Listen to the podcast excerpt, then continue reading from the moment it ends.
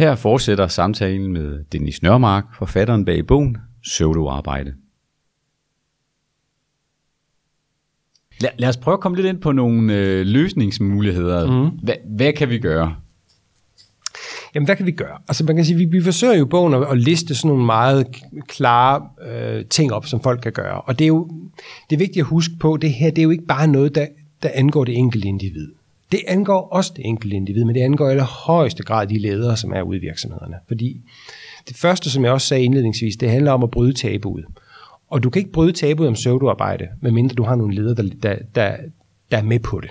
Altså at, at siger, jeg er godt klar over, at der er pseudoarbejde i den her organisation. Jeg er godt klar over, at vi opfinder arbejde til os selv. Jeg ved, jeg er godt klar over, at vi laver ting, som aldrig nogensinde bliver set og har nogen som helst værdi.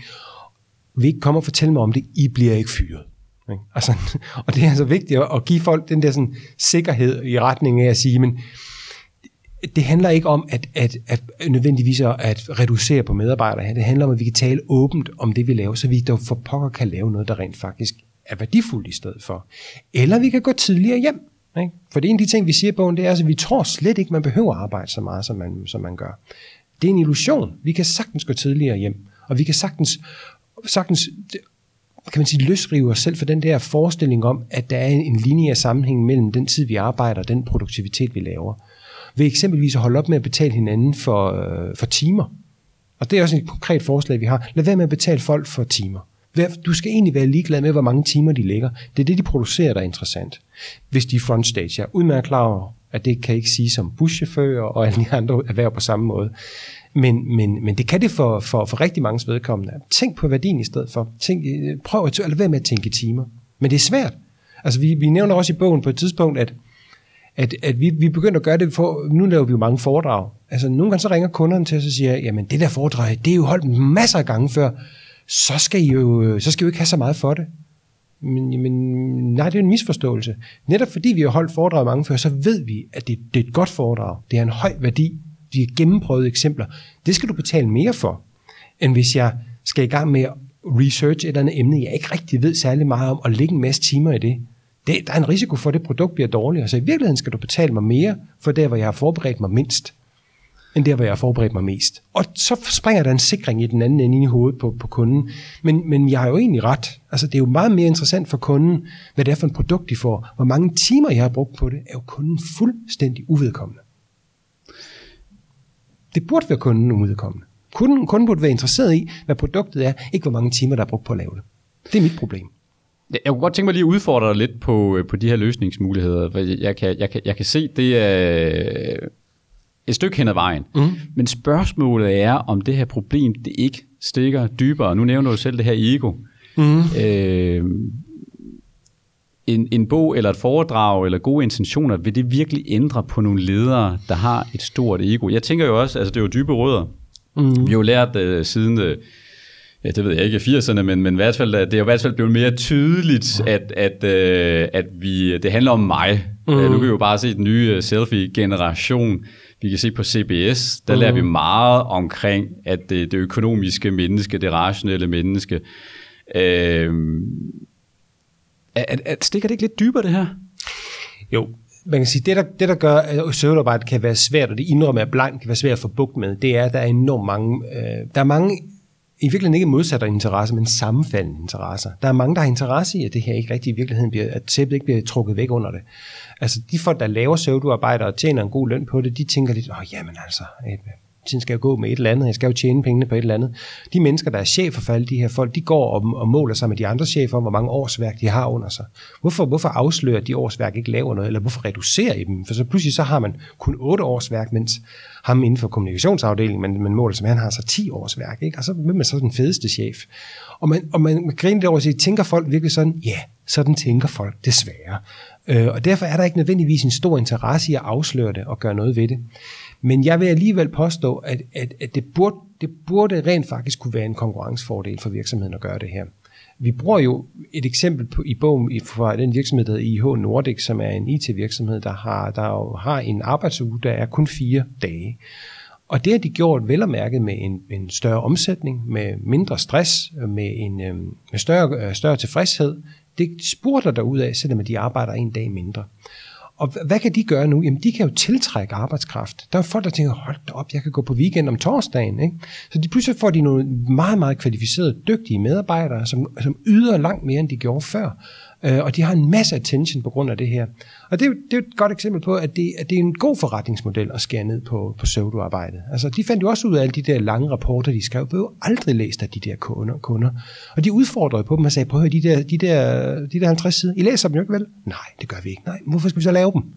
Altså, at gå i gang med at virkelig, virkelig effektivisere på den der måde, det, det, det mener jeg kan være en konkurrencefordel. Og det, og det må være en konkurrencefordel for, for virksomheden at skære det der mærkværdige fedtlag væk, man har fået produceret.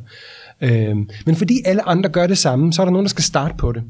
Øh, og det er jo vores ydmyge ambition med bogen, at, at nogen, nogen kan se, at det kan faktisk godt være en konkurrencefordel at fjerne det her, og så rent faktisk begynde at gøre det. Men der skal være nogen, der, der gør det, fordi at virksomheder har en tendens til at gå efterligne hinanden og sige, at når, når de andre har det, så er der nok en grund til, at de andre har det. Vi må nok også, vi må nok også have de her funktioner. Vi må nok også hen og have et talentprogram, selvom der ikke er noget, der tyder på, at talentprogrammer virker. Altså, og alle de andre ting, man går og booster sig selv med. Ikke? Men, det, men jeg håber, det vender. Øhm, det kan, være, når, det, det kan være, når det bliver mere kriseøkonomien. Det går skide godt, ikke? Folk tjener masser af penge. Altså, virksomheden har det for godt. Øh, når, når krisen begynder at krasse, kan det godt være, at de begynder at kigge indad.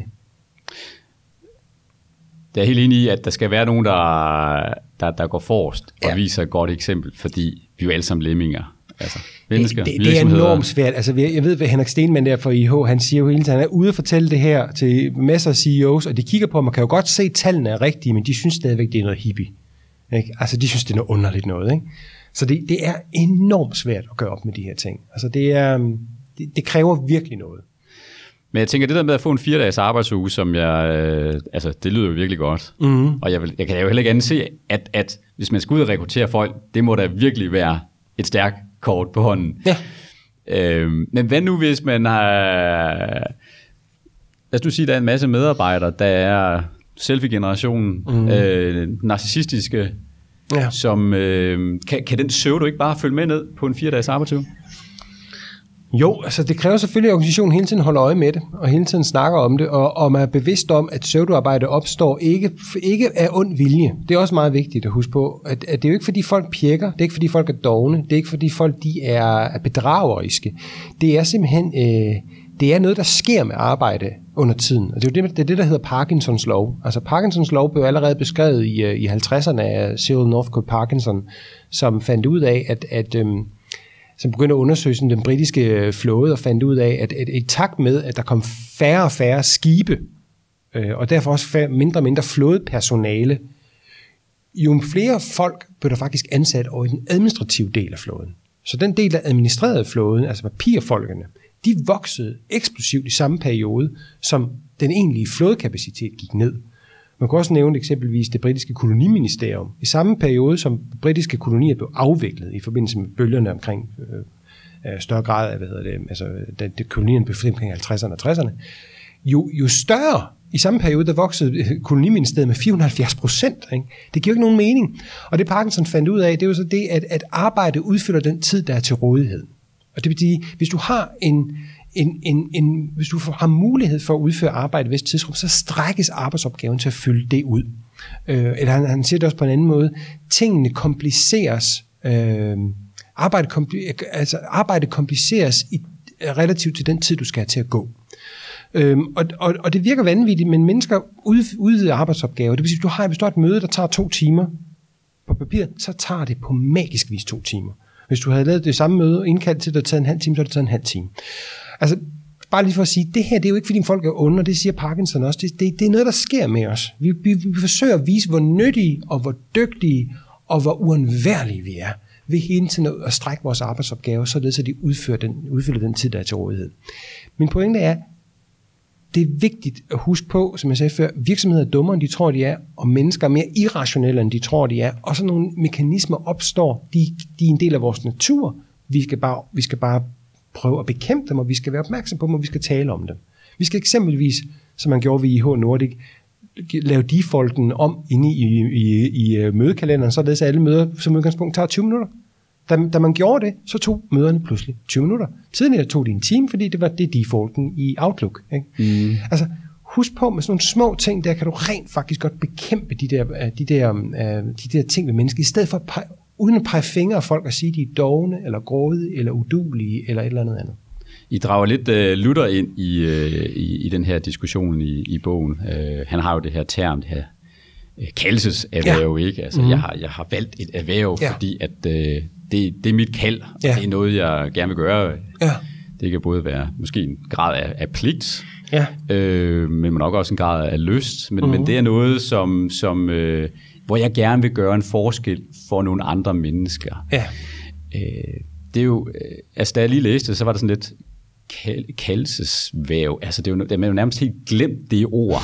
ja, det er. Er, kan det ikke også være noget med, at, at øh, det er jo ikke noget, der er i tiden længere. Det er noget, vi har, det er noget, vi har tabt i virkeligheden. Det er i høj grad noget, vi har tabt. Uh, man kan sige, en af de, en af de ting, som, som, som ligger hele tiden, der er sådan, kan man sige, to måder at se mennesket på, der, der ofte konkurrerer lidt med hinanden. Den ene er den der kaldelsesværv, ideen om, at mennesket i virkeligheden gerne vil ud i verden og gøre noget godt gerne vil have et mål, en mission med, med, med sin, øh, sin uddannelse, sin erfaring, sin identitet i sit arbejde. Og så er der en anden, kan man sige, stærk kraft i ideen om en homo economicus, at mennesket dybest set er grådet, grådet og dovent. Det vil bare have så mange penge som overhovedet muligt, og det vil bare lave så lidt arbejde som overhovedet muligt. Og de to versioner, de, de, de kæmper imod hinanden. Det vi har gjort i løbet af de sidste 30-40 år, det er, at vi har lavet homo economicus-delen få enormt meget magt og enormt meget betydning. Øh, det mest klassiske eksempel på det, det er det såkaldte New Public Management i den offentlige sektor, ikke? Hvor, man, hvor, man i, hvor, hvor man i virkeligheden har fortalt alle de der mennesker, der var, der var kaldet til deres erhverv, om det så var læger, eller sygeplejersker, eller præster, man har simpelthen fortalt dem, nej, I er ikke kaldelseserhverv, I er lønmodtagere. I skal huske, I skal se jer selv som lønmodtager, og nu sætter vi nogle incitamentstrukturer op i jer, og nu laver vi nogle resultatkontrakter, fordi vi vil jo ikke gøre det rigtigt, hvis jeg ikke står fuldstændig, hvad I skal foretage, hvis I ikke bliver målt konkret på de her forskellige ting. Og så sætter vi de her forskellige ting op, og så er det det, der er outputtet af det, I foretager, og det skal I bare operere indenfor. Og det, der sker, når man, når man udsætter mennesker, der i virkeligheden har et kaldelsesværv for den der homo economicus tankegang, det er, at de fuldstændig mister lysten til deres arbejde. De, mener, de tænker, hvad i alverden skal det her handle? Det handler om, at jeg skal få elever til eksamen. Ikke? Mere det handler om at få nogle dygtige mennesker ud i den anden ende. Det handler om, at jeg skal udfylde forskellige regneark, i stedet for nede på socialkontoret, i stedet for rent faktisk at hjælpe mine, de folk, jeg, jeg snakker med. Det vil sige, folk, der arbejder særligt det offentlige, oplever, men også i det private, at, at det, som i virkeligheden var formålet med deres arbejde, det bliver nu en underfunktion under en anden kerneydelse, der handler om dokumentation eller eksamener eller et eller andet andet målbart, som institutionen kan finde ud af at være. Og det er fordi den der homo economicus tankegang om, at mennesker vil kun fungere igennem gulerød og pisk, ikke fordi de har en interesse for tingene, at den, den er blevet dominerende, fordi at der er nogle administratorer, som lettere kan proppe den form for incitament ind i et regneark og ind i et system og lede efter det. Og det er fordi, vi har fået ledere, både i de offentlige og private, der dybest set ikke aner en pind om, hvad deres drift laver. De aner det ikke. Altså, det, der sidder sygehusdirektører og, og andre direktører rundt omkring i styrelser og i, i hospitaler og skoler, som egentlig ikke ved noget om pædagogik eller sundhed osv., osv. men de har gået på CBS, eller de har taget en ledelsesuddannelse, eller de kommer fra et eller andet andet ledelsesfag, øh, og rykket derover med de samme firkantede regnearksmodeller for, hvad der er god effektivitet. Og det der, det har dræbt den offentlige sektor i det her land. Og det er på vej til også at dræbe den private sektor, hvis vi ikke passer enormt meget på. Så hvis det er, det er den her kamp mellem homo economicus ja. og hvad skal vi kalde det? Eller, eller kan man sige almindelig, altså det med almindelig bare at være optaget af sit arbejde, ikke? altså at tro på, at det, at det nytter noget i sig selv. Ja. Altså det, det lyder som, at øh, det lyder som en kulturkamp. Det er det også. Det er det også. Og det, jeg er godt glad for, at du bruger kulturkamp, fordi i virkeligheden er det, er det jo en... Jeg kunne, jeg, man kunne lave den samme parallel for, på det private arbejdsmarked. Der har man jo fået nogle performance management systemer, og hele performance management tænkningen, og hele performance tænkningen er jo kommet enormt meget ind i danske virksomheder i, i de sidste 20-30 år, og det er dumt som bare pokker. Det, har, det er fuldkommen åndssvagt, at man har brugt så meget tid på det. Men grunden til det er, at man, er, at man har kigget på to succesfulde kulturer. Øh, den britiske og den amerikanske. Man siger, performance management systemet har man taget fra amerikanerne, og man har taget øh, New Public Management systemet fra britterne, og implementeret den ene henholdsvis den private sektor og den offentlige sektor. Problemet er bare, og det er det nu her kommer det kulturelle, nu er jeg jo antropolog. Hvis du kigger på den tillid, der er til mennesker i et land som Danmark, så er den tårnhøj. Den er højere end noget som helst andet sted i verden. Vores tillid til hinanden, den er vildt, vildt, vildt høj. Tilliden til andre folk er betydeligt, markant lavere i Storbritannien og markant lavere i USA. Så vi har importeret to styringssystemer fra lande, som kulturelt set faktisk ikke ligner os på det her område, hvor der ikke er tillid til folk, hvor man ikke kan stole på folk, og hvor man ikke føler, man kan stole på folk. Og så har man implementeret det i en kultur, hvor folk rent faktisk stoler på hinanden og fortalt dem, I kan ikke stole på dem. I kan ikke regne med jeres medarbejdere. I kan ikke regne med, at de vil udføre arbejdet ordentligt, medmindre du måler på dem, medmindre du holder dem op på det og det og det og det og det. Og det er, en, det er, en, det er, det er besynderligt, at vi har ladet det ske. Men vi har sådan set ladet det ske, fordi vi har troet, at, at man bare kan tage et styringsredskab fra to kulturer, og så holde det kulturelle element ude af det. Altså glemme, hvor, øh, hvor det kommer fra. Det er ligesom, når, når franskmændene gerne vil have flexicurity til Frankrig. Jo, det kan I godt prøve. Men det, det, det, det er altså et dansk fænomen. Det, det bunder i en dansk tillidskultur, og den har I ikke i Frankrig. Så I kan, I kan ikke bare tage vores system og så bare implementere det. Fordi det er afhængigt af det, hvilken kultur øh, man kommer fra. Og det der, det er jo 100 dumhed, vi har begået i det her land. Det er at tage de her to styresystemer fra to andre lande. Altså nu nævner du homo economicus, så man kan jo fristes til at sige, det er jo det her übermensch. Ja. Øh, hvor, hvor, hvor meget er det, når jeg, hvis jeg snakker om rigtig mange virksomheder, så siger de jo en grund til, at vi har en virksomhed, det er for at tjene penge. Jamen, det er der heller ikke noget i vejen med. Det er der ikke noget i vejen med. Isoleret set er der ikke noget som helst i vejen med det. Det vil være mærkeligt at sige andet. Men hvis det er det primære formål? Jamen, det er det primære formål for organisationen, men det betyder det er en spark ikke, det er det primære formål for medarbejderne. Og det er der, man går, man går fejl. Fordi hvis man kigger på det, sådan, og det har man, men der er masser af undersøgelser af, hvad folk bliver motiveret af i deres arbejde. Og kigger man på det, så ligger penge relativt langt ned på listen. Eller langt, det ligger, det ligger typisk en 3-4 plads, ikke? mens nogle af de vigtigste ting, det er meningsfuldhed, evnen til at, at udnytte, altså kan man sige, bruge sin faglighed, at gøre noget, der giver, der giver mening i verden. Øh, det er sådan noget, der gør, at folk går på arbejde isoleret set i vores del af verden. Jeg er udmærket godt klar over, at det er lidt smule anderledes i Kina og Indien, for der mangler de penge, og når man mangler noget, så rykker det op på prioriteringslisten. Men, men i, i den vestlige del af verden, så går folk, der går medarbejderne sådan set ikke rigtig på arbejde øh, for pengenes skyld. Ikke, ikke, ikke, det er en del af det, men det er ikke en af de primære grunde til, at de går på arbejde så vel, kunne de i hvert fald lige så godt vælge en anden virksomhed. Ikke? Og det gør vi jo også i stort stil i det her land. Danskere er jo berømt og berygtet for, at vi skifter arbejde hele tiden. Vi er jo dem, der skifter mest arbejde i Europa, fordi at vi har det så godt. Vi i virkeligheden tjener mange penge, og vi vil gerne derhen, og vi synes, det er spændende. Så, så, når, så virksomheden har ret i, at selvfølgelig skal virksomheden tjene penge. Det er deres modus operandi. Det er derfor, de er de tilhører i verden, og det er sådan, de opererer på. Men de skal bare passe på at tro, at det samme gælder for deres medarbejdere. Deres medarbejdere er motiveret af alle mulige andre ting end, end, end, end blot at, at lige det. Altså, mm. homo economicus har jo været, har, det er jo heller ikke forkert. Altså, det er det, der er vigtigt. Altså, homo economicus er isoleret set ikke en forkert teori. Øhm, der er meget godt at sige om det. Det virker. Altså, der er rigtig meget, der handler om økonomiske incitamenter, absolut. Problemet er, når sådan et menneskesyn bliver alt dominerende, når det udraderer alle de andre ting, mennesker også bliver motiveret, så bliver vi for dumme, fordi så tænker vi kun ind, sådan snævert på en måde at, at, at tænke motivation på, eksempelvis. Og så fungerer det ikke. Der er der er masser af andre ting, som mennesker bliver motiveret af. Og økonomiske incitamenter og pisk og gulerød, det er en af dem. Det er, bare, det er bare nemmere at få den motivation ind i et regneark. Og derfor så sker det. Derfor dominerer det. Jeg har gjort nogle tanker, og det kan godt være, at jeg kommer lidt ud på, på lidt dybt vand her. Øhm, men, men du nævner nogle ting. I, igen den her homo economicus, øh, jeg, jeg vil også godt kalde den selfie-generation og mm. so-me-generation. Ja, ja, ja. Versus øh, Luthers ja. kaldelsesværv. Ja. Øh, I, I, I bruger også begrebet fra øh, Max Weber, den protestantiske arbejdsetik, ja. som er jo nogle, nogle øh, jeg vil godt kalde dem idealer, men hvad er så nok nogle værdier, mm. øh, noget kultur, vi har med i vores bagage fra før i tiden, mm. som jo er gået lidt tabt til fordel for den her homo economicus. Ja man kan jo fristes til at sige, nu hvor I selv nævner det her protestantiske arbejdsetik, I nævner Luther, mm. er, det, er det i virkeligheden nogle, øh, nogle, nogle, nogle kristne værdier, vi er ved at miste? Det er svært at sige. Man kan sige, at jeg, jeg, der, er ikke, der er ikke nogen tvivl om, at kristendommen spiller en rolle i forhold til, øh, hvad særligt Luthers, kan man sige, indflydelsesrige teologs tanker omkring, hvad arbejdet er. Det spiller en rolle. Øh, altså fordi, at, at, at at man kan sige, tidligere så arbejdede de jo sådan for familiens skyld. Ikke? Det er Luther, han går ind og ligesom siger, det er, nej, nej, du skal arbejde for din næste skyld. Du skal i virkeligheden arbejde for at gøre noget, for at levere noget til samfundet. Det er en pligt at arbejde. Hele ideen om, at et arbejde bliver en pligt, som retter sig ud mod samfundet, frem for at rette sig mod den enkelte, frem for at rette sig imod øh, eksempelvis familien, det er en, det er en Luthers tanke. Ikke nødvendigvis specielt kristen som sådan. Det er jo det, der var netop var Webers pointe, det var, at det er de protestantiske samfund, der gør det her. Tager du til Sydamerika, så kan du måske godt se lidt længere efter den der arbejdsgiver, ikke? Du ser det kan jeg skrive under på. Jamen det gør man, og det er ikke for, det er ikke for at sige noget under, mm. fordi tværtimod har jeg en stor respekt for folk andre steder i verden, der, der lige præcis tager det lidt mere med ro. Det synes jeg er smukt og, og godt, øh, at, der, at der også er de muligheder.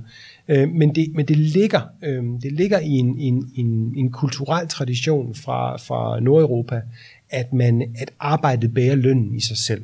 Øh, men fra at vi havde en, øh, lad os sige, øh, x antal medarbejdere, der alle sammen havde samme hvad kan man sige, kompas at gå efter. Mm. Og sige, jamen det handler om at gøre noget for den næste. Yeah. Lige pludselig så har vi så en organisation, lad os sige, der er 100 mennesker, så har de 100 forskellige retninger. Yeah. Fordi Ja. Den, altså, din retning kan være lige så god som min. Ja. Vi har ikke noget fælles. Ja.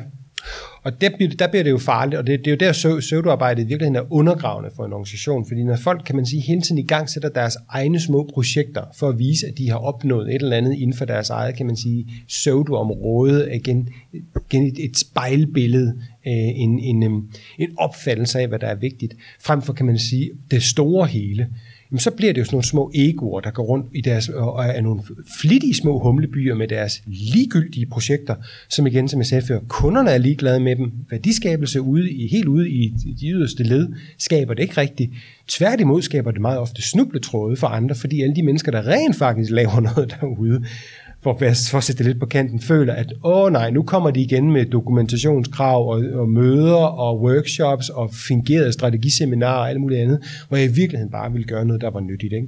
Men det er jo fordi, at, at egeninteressen bliver stærk hos de forskellige grupper, der skal sætte de her skibe i søen hele tiden for at se ud, som om de laver Men, men det er jo ikke kun medarbejderne, det er også lederne, det er jo, der, der styrer de andre. Ja, ja. Hvis de også selv har deres egen agenda. Ja, og det, og, det, og det har det jo. Vi taler med flere ledere i, i, i bogen også, der siger jo, men at det er jo det, der bliver problemet, det er, at vi, at, det, at, at, at vi får vores egen agenda, som i virkeligheden består af at prøve hele tiden at, at få det, vi laver til at se vigtigt ud, at få de, øhm, altså for de medarbejdere, vi har, vi har boostet os selv med, aktiveret med forskellige ting, i stedet for i virkeligheden at gøre nogle overvejelser om, kan man sige, helheden i den organisation, vi er en del af. Så bliver det vi sådan nogle små konger, der sidder rundt forskellige steder og passer vores egne små kongedømmer, og bruger enormt meget tid på at virkeligheden bare overbevise andre om vigtigheden af det, vi laver, og puste op, således at, at muligheden for at sige, det der, det der er ikke noget, at det bliver vanskeligere og vanskeligere. Ikke? Der er meget kejserens nye klager over det her. Ikke? Altså det, det, er jo, det er jo, øhm, det er jo nemt at, at, at blive ved med at bruge enormt meget, kan man sige, intern markeds, markedsføringskræfter på at fortælle, og pusse sig selv op og fortælle, hvor vigtig den, den lille bitte, bitte marginale funktion, man har, at den er. Og man i øvrigt også skal bruge flere folk til den. Men når det nu er så vigtigt at have den her fælles, lad os kalde referenceramme, altså det, det vi går sammen efter, et eller andet fællesskab, ja. et eller andet, ja. jeg ved ikke, hvad man skal kalde det, det kan, jo, det kan jo måske i virkeligheden være mange ting, og det er måske også det, der er problemet, fordi lederne kan jo ikke bare opfinde et eller andet, hvor de siger, nu skal vi være fælles om det. Eller kan, kan de det? Nej, men de burde, altså, jeg synes, det bliver, det bliver meget vigtigt for altså, at have en, en klar relation til det, man producerer. Altså, hvad er det, man laver i den her? Hvad er det, hvad er det der gør? Hvad er det, vi, vi servicerer derude? Vi tjener, vi tjener penge til vores, os selv, eller til vores aktionærer, eller hvem der nu ejer os. Det er vigtigt. Det er et formål. Og det synes jeg ikke, synes jeg ikke, der er noget, som jeg sagde, for der er ikke nogen grund til at forgøjle det der formål. Altså noget af det, jeg ikke de kan snuppe, det er, når virksomheder spænder sig selv ind i forskellige former for pompøse værdisæt og fortæller dem hen, at vi, vi lever for at gøre det og det. Altså, hvis når Novo for eksempel siger, at vi, vi prøver at fjerne diabetes, ej, venner, det, det gør I jo nok ikke, altså fordi det er jo jeres forretningsmodel. Lad nu være med at prøve at bilde mig ind, I tjener penge på sukkersyge. Det er der ikke noget i vejen med. Det er fint nok. Men lad være med at prøve at lade som om, at I gør noget andet. Jeg, jeg, jeg har det, altså det rej, alle hår rejser sig på mig, når virksomheder ikke indrømmer et eller andet sted, at de dybest set er sat i verden for at tjene penge. Øh, fordi det, det, er sådan set, det er sådan set et, et fint nok motiv. Det, det, det, det, det, det, det er det lokomotiv, kapitalismen kører på. Det er den måde, vi har valgt at indrette sam, samfundet på. Det er sådan set okay med mig. Men, men, men, det, men det, bliver, det bliver sgu mærkeligt phony, hvis man, hvis man, øh, hvis man, hvis man har hvis man fortæller medarbejderne et eller andet meget fluffy mission statement-agtigt, som, som, som er en lille bitte smule out of this world, ikke? og lyder som om noget, som er en FN-mission, mere end det i virkeligheden er en, en kommersiel mission. Der tror jeg, man skal, man skal passe på med, at tro, at medarbejderne er dummere, end de i virkeligheden er. Det tror jeg, man skal passe på med. Det, det er okay at sige, at vi, leverer, vi prøver at levere bedre produkter, vi prøver at overgå os selv i at lave bedre produkter, vi vil gerne have tilfredse kunder, der anbefaler os til andre, som synes, vi er dygtige. Uh, vi vil gerne selv fagligt kunne stå inden for den høretelefon, eller debedut, eller sterinlys, vi laver, og sige, at det er så godt det kunne blive, inden for de midler, vi har til rådighed. Altså, den form for faglig stolthed ved det, man producerer, det ville jeg ønske, at virksomheden kunne, kunne, kunne samle sig selv om. Det er det, det handler om, i stedet for et eller andet, at skulle leve nogle værdier, eller et eller andet andet, som jeg, jeg har meget svært ved at se. Men så kunne vi jo godt ind i en situation, hvor vi, øh, vi, vi har egentlig det, vi har i dag. Mm. Altså, hvor vi tjener penge. Ja. Det er jo klart, det skal der jo til, ikke? Men samtidig har vi en masse server. Mm. Og de to ting, det er jo egentlig godt, side om side. Jamen det er der nogen, der vil sige, og det vil også være en kritik, man kunne rette det, synes jeg, som jeg sagde før, det, der er mange interesser, der hænger, ja okay, men så lever vi i en absurd verden, lad os nu bare trumle videre i den. Det kan man godt mene. Det man kan sagtens mene, man kan så læse bogen og tænke, ja, verden er blevet vanvittig, men, men det er så det, det mærkelige frimærke, vi bebor, hvor man opfører sig på den her måde, øh, og, og vi trumler videre med de her ting. Problemet med det er, at jeg synes faktisk ikke, vi udvikler nok. Jeg synes faktisk ikke, vi er dygtige nok. Vi lever lidt i en, i en illusion om, at vi er blevet så enormt dygtige, og vi, er, vi udvikler så meget. Og vi indleder lidt bog med at vise, at det er faktisk lidt en myte. Hvis du kigger på det sådan rent udviklingsmæssigt, øh, når nogle forskere har undersøgt, hvor meget vi udvikler, hvad vi, hvad vi, øh, altså hvor meget vi opfinder i dag, øh, modsat meget vi opfandt tidligere. Og, og de kommer frem til den overraskende konklusion, at vores udviklings, udviklingsmæssige innovative peak, kan man sige, det var i 1870. Og det kan jo godt undre en, fordi man, vi tror jo selv, at vi er blevet så hulens dygtige. Men hvis du kigger dig omkring, så vil du finde ud af, at vi kører rundt i biler med en forbrændingsmotor, der er opfundet for over 100 år siden. Jetmotoren blev opfundet for omkring 70 år siden. Det der internet, vi er fuldstændig ved at falde på, på røven over, hvor fantastisk det er, det er som virkeligheden bare er telefonlinjen øh, fordoblet en lille smule. Ikke? Øh, det kom til os i 70'erne. Altså enormt meget af det, de, den teknologi, vi render rundt med, vi, vi er, helt, vi er fuldstændig for øh, mageløst beundret over vores iPhone, telefonen også opfundet for over 100 år siden. Der er enormt meget af det, som vi går imponeret over, der i virkeligheden bare er forbedringer af de ting, vi havde i forvejen. Vi har ikke opfundet sådan noget, noget afgørende nyt. Hvis du kigger på science fiction film fra 60'erne og 50'erne og 60'erne, så havde de nogle ret store ambitioner på vores vegne. Hvis du ser Stanley Kubricks rumrejsen 2001, så er det jo pinligt at se i dag, hvor lidt vi rent faktisk har fået lavet af det, man troede, vi ville lave. Hvor blev de der flyvende biler af? Vi har aldrig fået de der flyvende biler. I Hollywood er de holdt op med at lave øh, fremtidsfilm med flyvende biler, fordi de simpelthen indset, at vi kommer aldrig til at lave dem. Så det der med vores imponerethed over, hvor dygtige vi er, synes jeg faktisk, vi bør være en lille smule, øh, vi bør være en lille smule mindre imponeret over, hvad vi kan. Fordi så dygtige er vi faktisk heller ikke.